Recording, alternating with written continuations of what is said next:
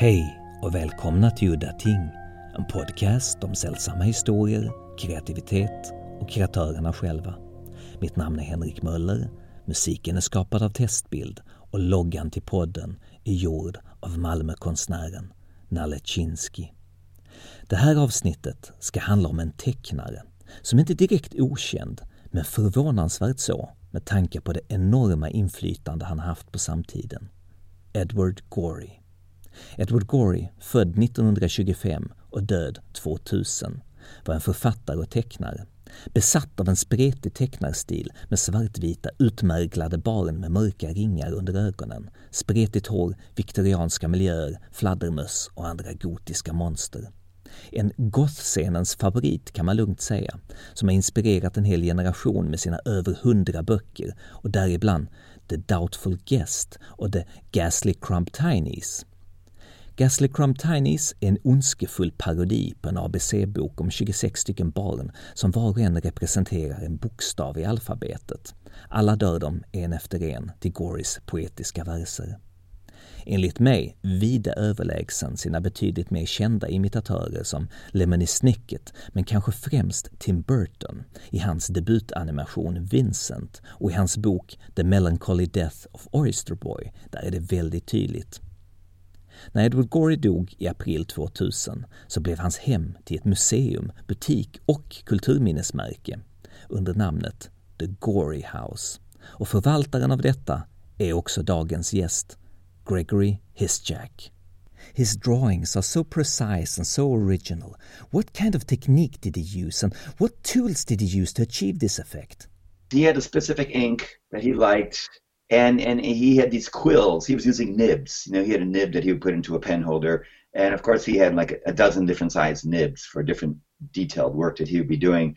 I believe the work that the the pen nib that he originally used, he was very specific about them, and he mentions in the early 60s that they stopped making it, and he was just beside himself, and he had to switch to a new nib, and that one, the new one was a Titcomb, I believe it was, and uh, you know, he was beside himself because he was such a creature of habit. To change anything, to disrupt his schedule, uh, uh, was very uh, um, traumatic to him. So, but he generally used um, he he was generally using quills of various sizes, Strathmore Bristol board generally. But then later on, I when looking at his artwork, we see him just drawing on the backs of scrap paper, scrap board, uh, printers proofs that came back to him he would flip over and start using that that side uh, for drawing on. I, I don't know why he wasn't stressed for money. I think he was just being frugal with the use of using paper, or it was good paper that and he didn't want to waste it.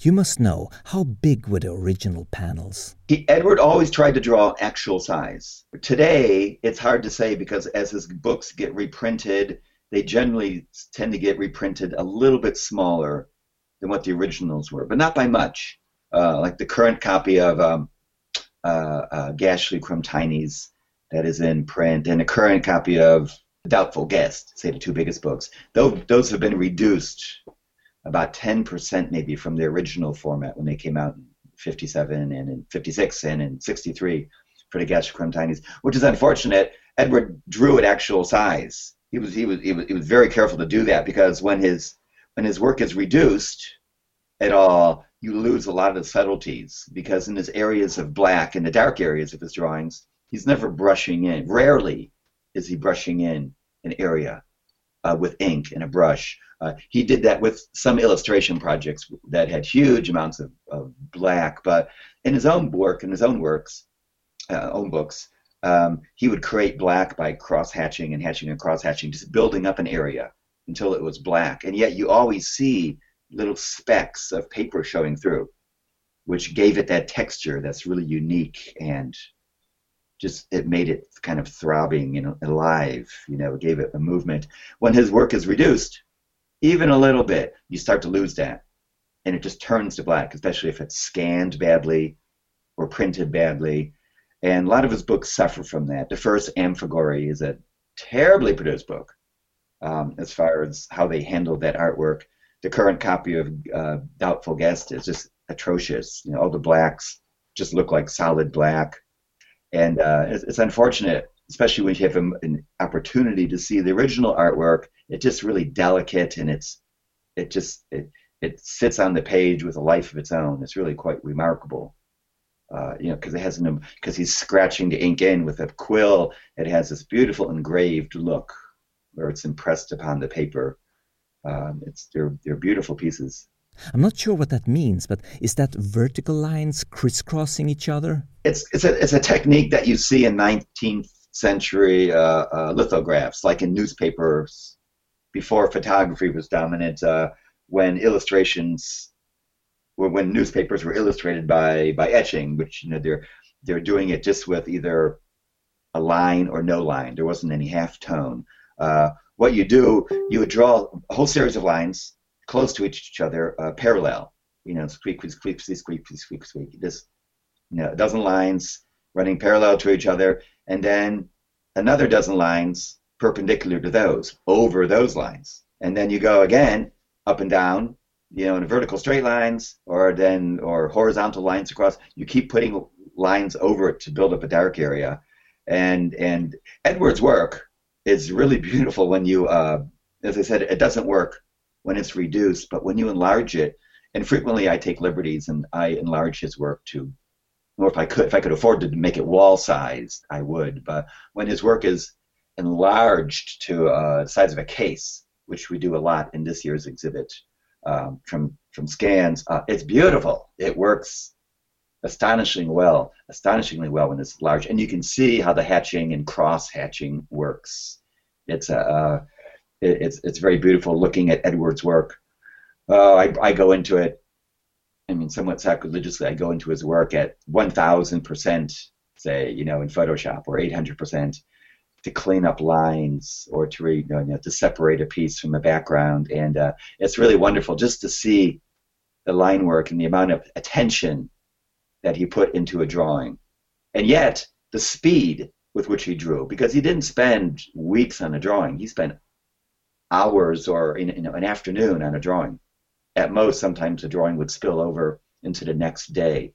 But because he's always working at actual size, and most of his books, most of his illustrations are oh, you know, six inches wide by five inches deep. You have to translate that into a, you know, out of interest. but they're small. You know, they're they're not big. They're not big pieces, with the exception of a few other books, a few books that are large format. Could you tell the listeners about the Gorey House and some of the amazing things that is on display there? The museum operates on a lot of levels. It's a historical house and that goes back to about the 1820s, which is old for the United States. And uh, it's you know it's a cultural landmark because it was Edward's house. But we tried to do some other things. What we have on display is our things that demonstrate Edward's life, his kind of unique lifestyle, as it were, as a as a collector, as a man of a lot of contradictions, a man who's profoundly interested in animal welfare and yet owned almost 30 fur coats. You know, a man who uh, uh, collected things from all over the world, yet almost never traveled uh, away from the United States or even away from his home, uh, unless he if he could avoid it. Um, so we have all these things. We we cover a museum. We cover Edward the way a normal museum should. We tell you where he was born. We show you his his childhood, and we lead it up to his his death. And so you see all this stuff. But on the other level, we also change the museum every year. Uh, that's all the peripheral stuff. We also have, um, every year we change the exhibit so that we talk about a different aspect of Edward, uh, either as an author or as an illustrator or as a lover of murder mysteries or as a, a, a commercial illustrator. These are all different ex- exhibits that we've had. This year, it's all about Edward Gorey as a nonsense, an author of nonsense. So that's what you would see when you come to the house here. I've heard there was a method to his collecting. Could you see one? I started to. Just the way Edward works is just when you start to see a method, he messes with you right away and changes it. Our exhibit in 2017 was called the Cabinet of Curiosities, and it really was all about Edward's collecting. We had his stuff. There was very little artwork other than artwork that he collected. And it seemed like what Edward really liked in his collecting was uh, uh he adhered to that Japanese concept of wabi sabi. That is, in in in uh, damaged objects, there is a perfection. He liked objects that were old, and either either antiquities or something that he found along the side of the road, something that rust or deterioration had attached themselves to. You know, whether it was old photographs, uh, tools, uh, cutlery, pottery, things like that. He, he he tended to collect things that had a story. You know, in their disintegration, they kind of told a story. Uh, it wasn't his story; it was somebody's story. Likewise, he also liked to collect other people's collections of either figurines or um, Day of the Dead statuary, you know, from Mexico, or Japanese matchbook covers, or uh, uh, salt and pepper shakers. A lot of these things, or potato mashers, uh, cheese graters. A lot of these things he didn't collect piecemeal, but he took other people's collections from an estate sale or from you know an auction or something like that. So in some ways, he collected other people's fixations on objects as well. But then, in addition to that, just when I can, just when I say, "Oh, Edward just collected old things," and and things that showed a sense of passage of time, then he messes with you, and then he suddenly has a box of X Files action figures as well or plush toys, you know. So it's he he's not he he likes to to uh, uh, upend just when you think you know him. He'll upend you with an unusual object that you'll find. Have you found any evidence that any of these objects might have found their way into his art, into his stories? Well, we see a lot of them. Two of them that we have exhibited because they're very obvious are uh, he collected, probably collected someone else's collection of tassels, meaning tassels, meaning like on drapery, you know, or or or curtains, or there were just ornamental pieces that hung, usually Victorian, Edwardian. He had a whole cigar box full of these that we found uh, after his death. They're packed away upstairs, and they are drawn. Every one of them appears in this little book of Edwards called uh, um, La Passementeries Horribles. It's, it's, it's French, the horrible tassels. And every one of these tassels are, are drawn in this little book. It's a wordless book, there's no text.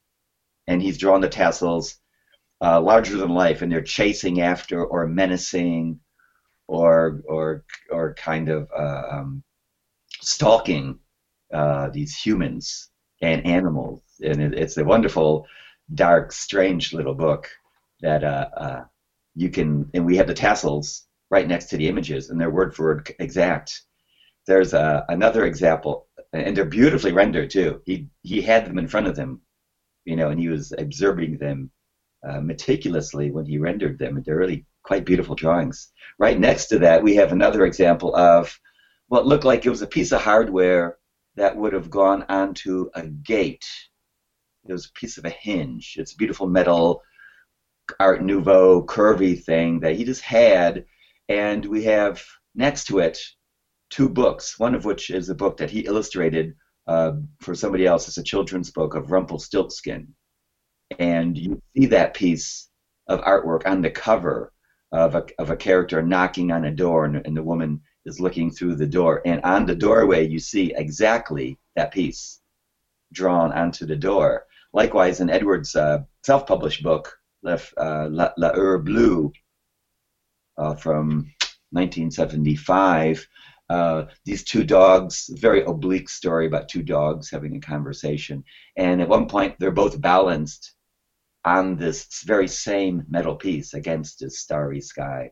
So it's it's it's impossible to say why he used the pieces in some cases. Maybe because they just happened to be in front of him on that particular day. But uh, uh he he enjoyed incorporating those things. It's pretty strange to me for some reason, but he did like the X Files, didn't he? He did. Edward was a master of high culture and low culture.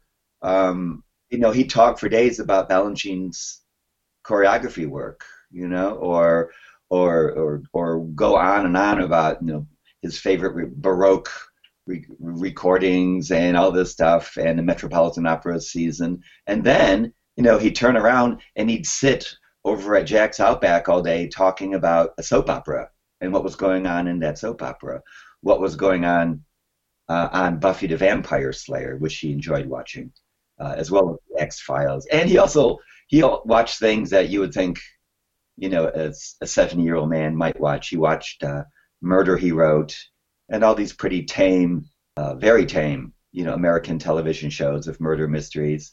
And then among them, he watched the X Files, and he probably and he watched, if I said Buffy the Vampire Slayer, he watched Mary Tyler Moore. We know this because in the barn I have 19 very large boxes of video cassette tapes. Some of them are beta, and then he switched over the format whenever people switched over to that format. And so he has them all and meticulously listed on all of all of them are little pieces of paper he's inserted into the boxes in his very distinctive script handwriting, uh, various episodes. And so it's a really beautiful, absurdist uh, piece of art to look at a piece of paper, and it talks about all these. It's a couple sentence description of these Mary Tyler Moore episodes that he had carefully written down and taped. It's it's always a weird journey. It's it's somewhat disconcerting and, and almost it would blow your image of ever to think that he's really taking a lot of time to write down the minutia of these of these things. But that's what he did, and it, and it wasn't as though he was getting kind of soft and doddering or lazy. He was also very busy. You know, he was working on illustration constantly. His own book input kind of started to slack as he entered, you know, the last five years of his life. But mostly that was because, you know, his eyesight was probably tired of dealing with all that cross hatching. And he was also very involved in theater here on the Cape, too. He was busy, and yet he found time as always. I guess in New York, he'd spend every evening at the ballet, I guess you might say, or going to films. And here on the Cape, he had that extra time available to him, and he used it to watch television. And of course, while he's watching television, he's also he's also uh, uh, sewing all these weird little dolls to be made as well, and puppets and things like that. So he seemed to have been obsessed with jewelry. He was a big fan of jewelry. He didn't make jewelry is one of the really few crafts that he didn't delve into, really, when you think about it, other than he would find a piece of metal that he found interesting. You know, whether it was a bent up spoon or it was some kind of amulet or a coin, or he specifically liked these weights and measures that were used in marketplaces somewhere in Central Africa. All this stuff he got in New York, where, of course, you can buy anything you know, at some point during the 50s and 60s. Some of these pieces, objects, he would just put a rope or a, like a hemp string around it and wear them. And so, to that effect, he was wearing, he was making jewelry, you know, but, but mostly he'd be buying rings. He enjoyed rings. He enjoyed large jewelry. You know, nothing of nothing about it. Nothing of the jewelry was particularly feminine. Uh, they are large, clunky, heavy pieces. He said he had a tendency to wear uh, 10 pieces. Oh, no, I think 11 pieces, 11 rings. Anything more than 11 rings was, was gauche, he said. It was, it was, it was not right. I can't help but wonder did he put any mystical importance into his jewelry? That's a good question. He doesn't impart that, what they mean to him, you know, because he changed them frequently. They weren't heirlooms. I don't think they had any personal connections, unless p- friends gave him pieces. But if, if friends gave him pieces, they're more likely just to be hanging there uh, and he has dozens and dozens of pieces to choose from. It's hard to say. It might be the same reason that um, I mean, the external reason could be perhaps the same reason he had this very large beard, or that he uh, wore fur coats. It was kind of an intimidation factor in some ways. Maybe he was using it as protection. And you adorned yourself with so many statements that you kind of that you separated yourself from people. You know, you weren't bothered you may be looked at, but at the same time, it, it set up a little protective barrier between you and, and people looking at you. In some ways, it seemed rather shy and reclusive, but I've heard that he had lots of friends. He did. He had a lot of friends uh, in New York. He had a lot of circles of friends. You know, at no point would all these circles, would all these friends come together. But uh, he was very close and devoted to friends for years. Uh, other people he would have a short, kind of intense intellectual relationship with for a couple years, uh, where they would exchange ideas and books and endless letters, and then abruptly it would stop. Those there were those kind of relationships, but he also had long, long relationships with uh, um, with family, you know, with his cousins and uh, with uh, friends he knew in New York who were in the ballet. Um, several writers and artists. Uh, here on the Cape, he was you know very devoted to whole core group of people, and uh, several of whom followed him here from New York, and so and also the people he worked with uh, in his in his various theater pieces, his entertainments here on the Cape, and the people who who he allowed to get close to him, uh, you know, they they loved him dearly. They thought he was a very gentle, sweet, and very smart man. What type of movies did he watch when he went to the cinema? He seemed to watch everything. I mean, based on his letters that he sends to people, you know, he, he, he would see a first run movie. He would see everything once, but the films that he really liked uh, were silent films. And uh, in New York, here in the Cape, he didn't have much opportunity. Um, though he did collect some videos. He has a couple. He has he has a couple things that I can't watch anymore because I don't even have a VCR. But he leaned towards silent film. And in New York, he would go to some clubs, uh, uh, some film societies, usually at somebody's house, somebody's apartment, and they would go through seven or eight films in an evening because they're 20 minute films, you know, or they're half hour films. He was he was really attached to French silent filmmakers, you know, like Abel Gance and uh, the, the, the big fella whose name I can never pronounce because it's French, but um, something like a Phil Foulade. He was making films in uh, in Paris right around the First World War, and Edward unabashedly Louis Feuillade. Um, Edward was unabashedly stealing from him, and he says so. I steal everything from him. If you look at his film Vampires, uh, the woman dressed in the costume, these slinky kind of vamp costumes, are exactly what he takes uh, to uh, uh, in his in his Gilded Bat uh, book. He uses those illustrations. Edward Edward seemed to use silent film in a lot of ways uh, in his work. First of all, he liked. Um, I think we mentioned this earlier, maybe uh, when we were talking when I was talking last month, how he used the format of silent film in that the text was always kind of uh, uh, uh, telegraphic. It was always in short bursts, very short amount of text. He liked how silent film always had early silent film always had um, the action kind of static within a frame in a horizontal frame and how you rarely see somebody entering a frame and exiting a frame. They're just in the frame. Uh, he never uses a close-up in his drawings. You notice uh, he, he, he tended to keep to this format that early filmmakers and of course black and white these, these elements seem to, to imbue themselves into all his drawings. They ha- all have that look Yes, but the iron tonic, in the iron tonic, he uses a different technique where he has sort of a master shot of a house or a landscape from afar, and then he inserts a round binocular type circle in the corner or in the center that has a close up of some particular detail in that landscape that he wants to highlight. Isn't that a fascinating book? Because that totally contradicts, and it's the only book that kind of contradicts everything I just said because it's all long shots except for that little round inset where he blows it, where he goes into, yeah, as you said, that binocular view of one detail, whether it's a, a, bicycle falling from the sky or something like that. That's a very unusual book. We have that in the exhibit this year too because it's so fantastical. But uh, that's really one that he breaks with his format, and he and he doesn't do that medium. There's no medium shots in it for the most part. It's all it's all long views so that makes it a real interesting anomaly. It's a wonderful book too because he he he dedicates it to his mother, who at, at that point I forget the date of that book right now. Um, at that point, he had put his mom into a retirement community here on the Cape. In fact, uh, he moved her out here, and so that book kind of it was made in 1969. 69. Uh, that is that that seems to be his kind of uh, distorted, fantastical view of what senior housing must be like. What is your favorite Gorey book? They always change. The books are always changing that I like. They're um, the ones that I, I tended to like were um, his alphabet book called The Glorious Nosebleed, which is which you know it which uh, what's what's A? I forget what A was. Um, but uh, uh, but it ends. Uh, uh, he wrote it all down ze- ze- zealously.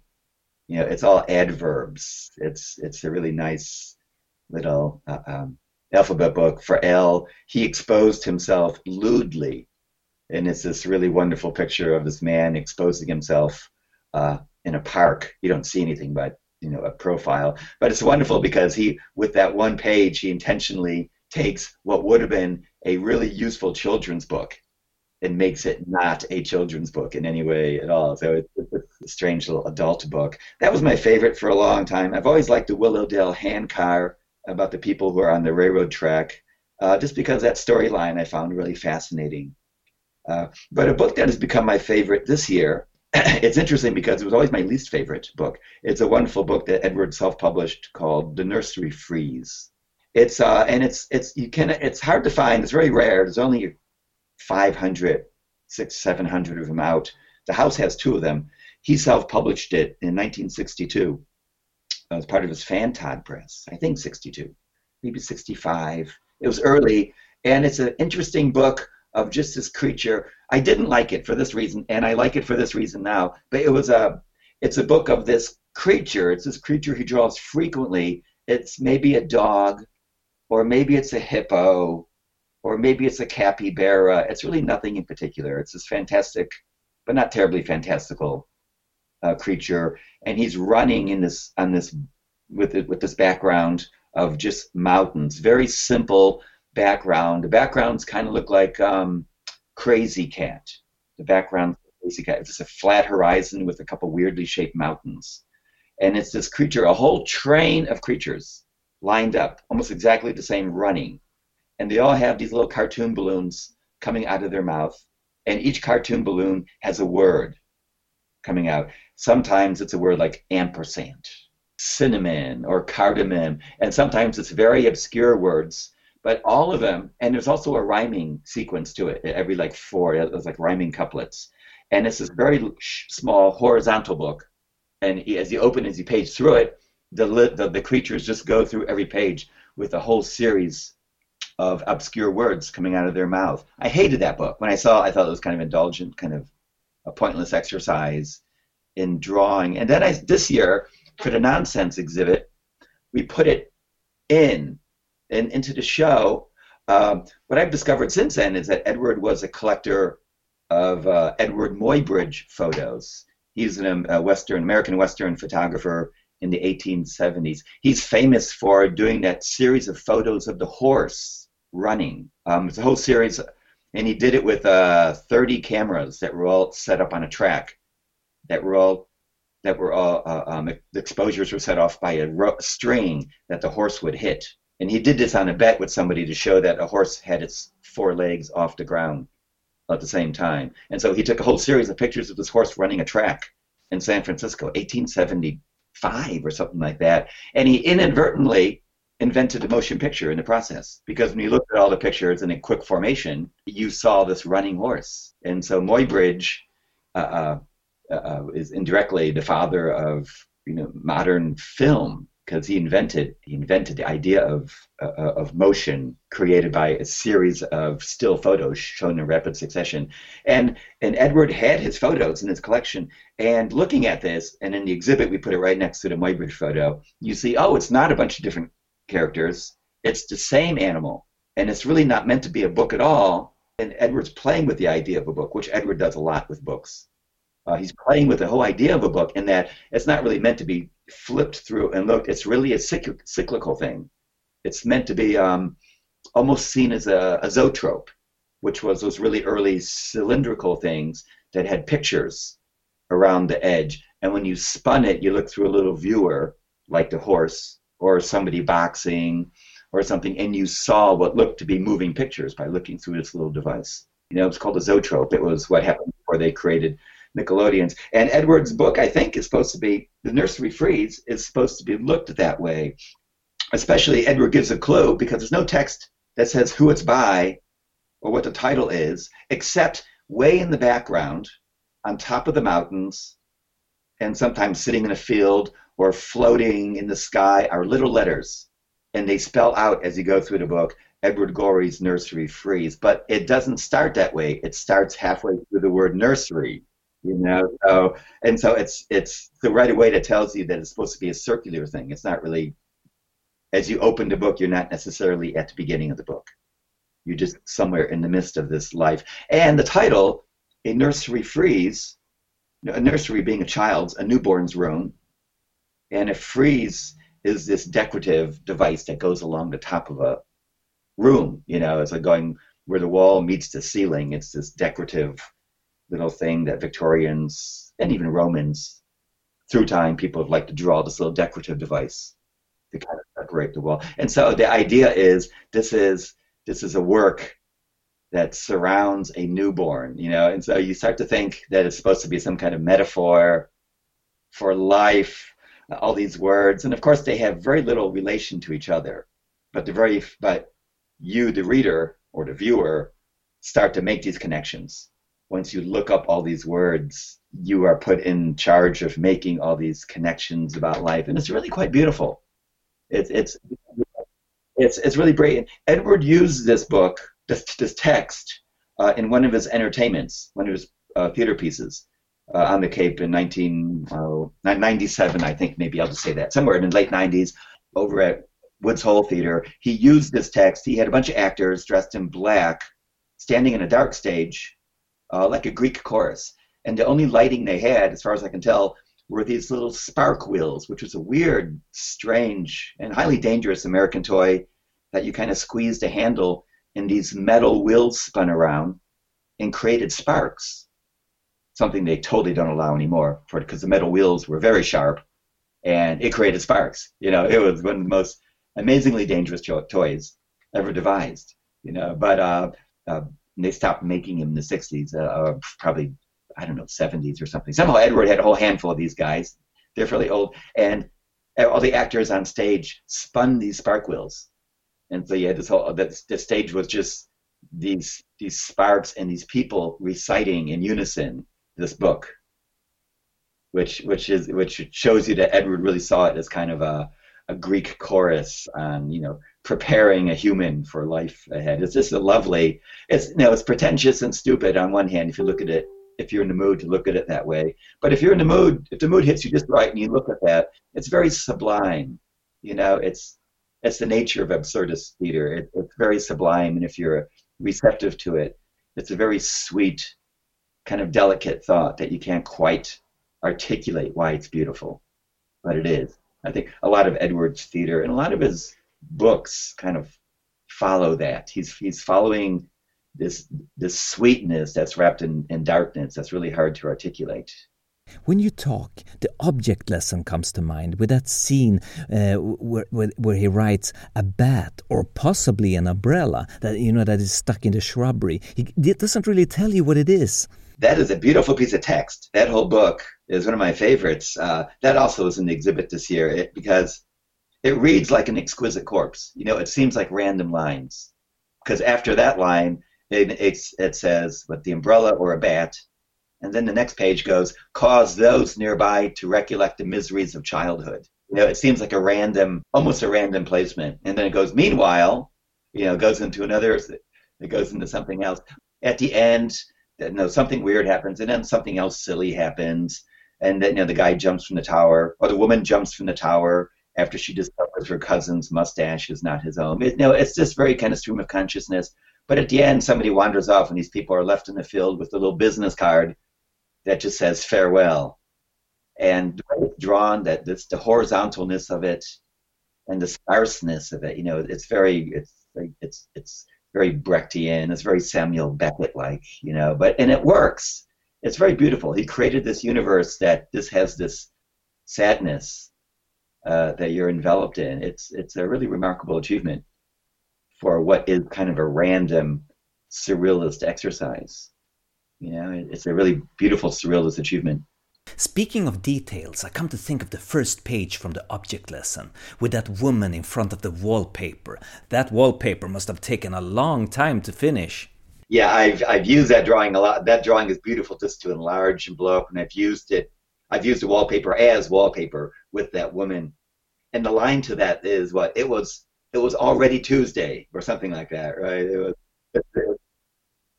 it's, it's a beautiful beginning, and the woman is kind of gaunt and pinched the way all of Edwards are, but she's off center. Just the, where where she's off center in that drawing, and behind her there's a little flower pot on the ground. I think uh, that kind of breaks it. It's really wonderful and funny too. You know, it makes you laugh out loud when you when you turn to that page. It's such a dour, suffocating image, but it makes you laugh and it draws you in. But then I think you turn the page and, they, and it, it, already goes very silly. It's something like uh, um, the, the lordship's leg, artificial leg, could not be found, and so it, it, it doesn't get too profound or pre- pretentious. But that wallpaper, the, that wallpaper behind that woman is just a remarkable, a remarkable achievement and obsessive compulsion uh, that that you get to enjoy. Edward hated doing wallpaper too. We he in his letters he talks to a Peter Neumayer about, oh my God, this wallpaper! I can't believe I started this piece with this wallpaper in the back. But he had to finish it. You know, once he started it, that, that obsessive compulsion made him finish it. So it wasn't a Zen-like thing that he did, you know, to calm himself down. It sounds like it sounds like something that he always tended to bite off more than he can chew. But again, these are small pieces.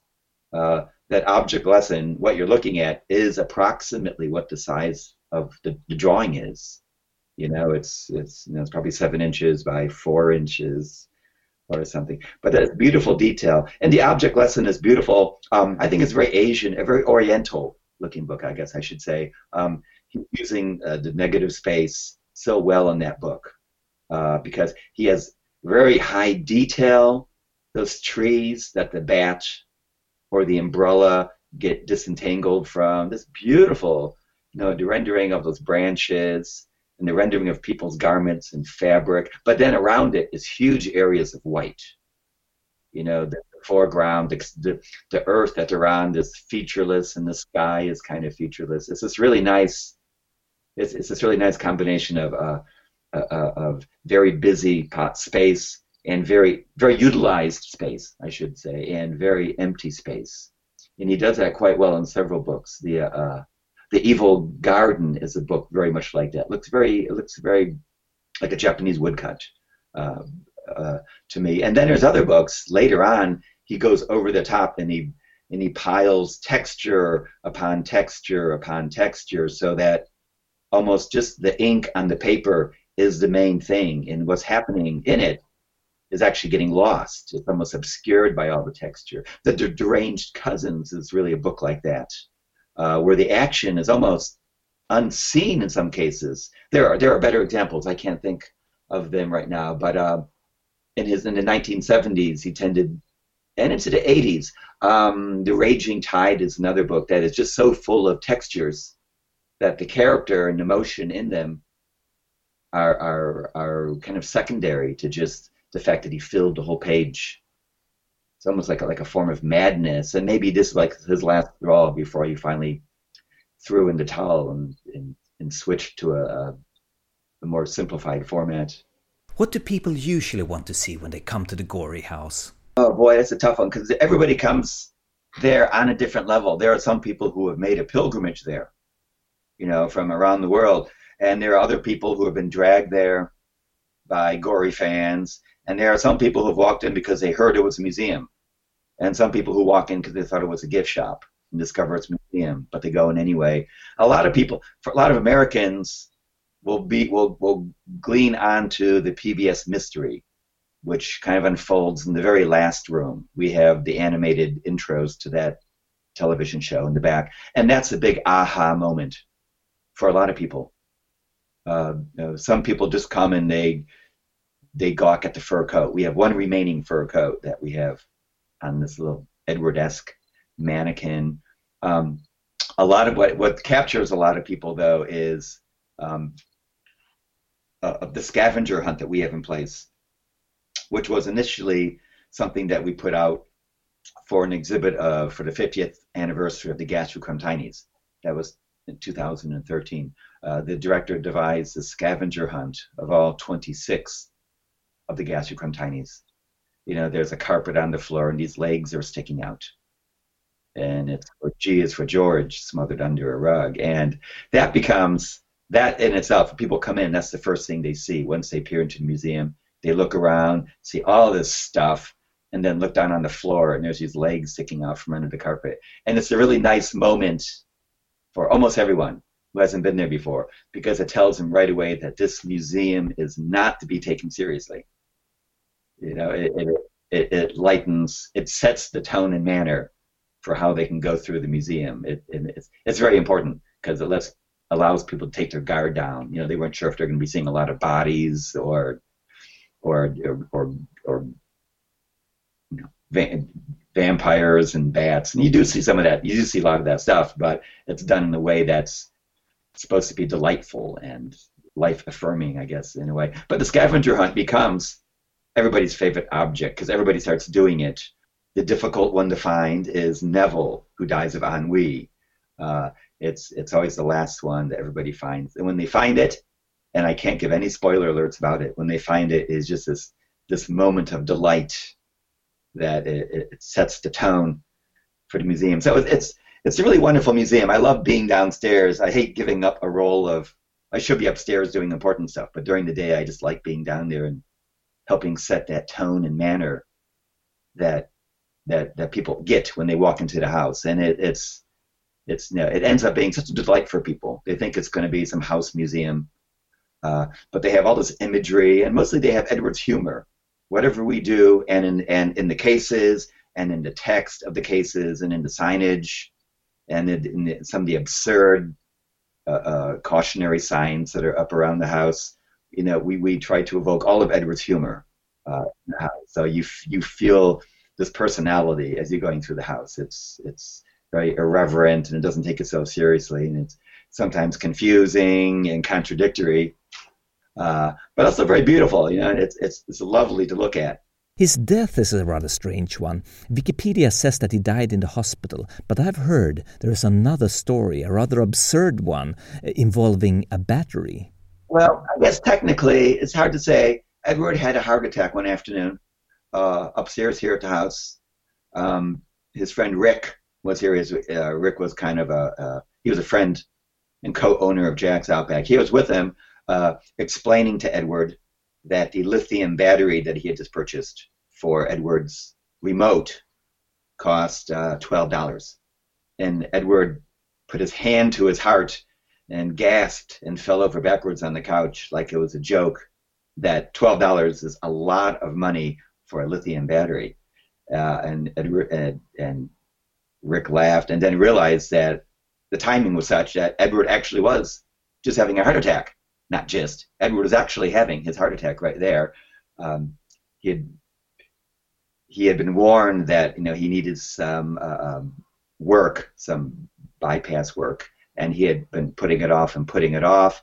And it happened that afternoon. Edward technically died. He never regained consciousness. Uh, they took him away to the hospital where he was on life support for a day, day and a half, and then he finally passed away. So, you know, it, for all intents and purposes, Edward left looking at a lithium, a $12 lithium battery, and falling backwards on the couch. That's where he died, upstairs here in the house. Um, technically, yes, his, his mortal coil kept breathing for another day or so. Ja, och med de orden så var det slut för den här gången. Mitt namn är Henrik Möller. Musiken är skapad av Testbild. Hej då!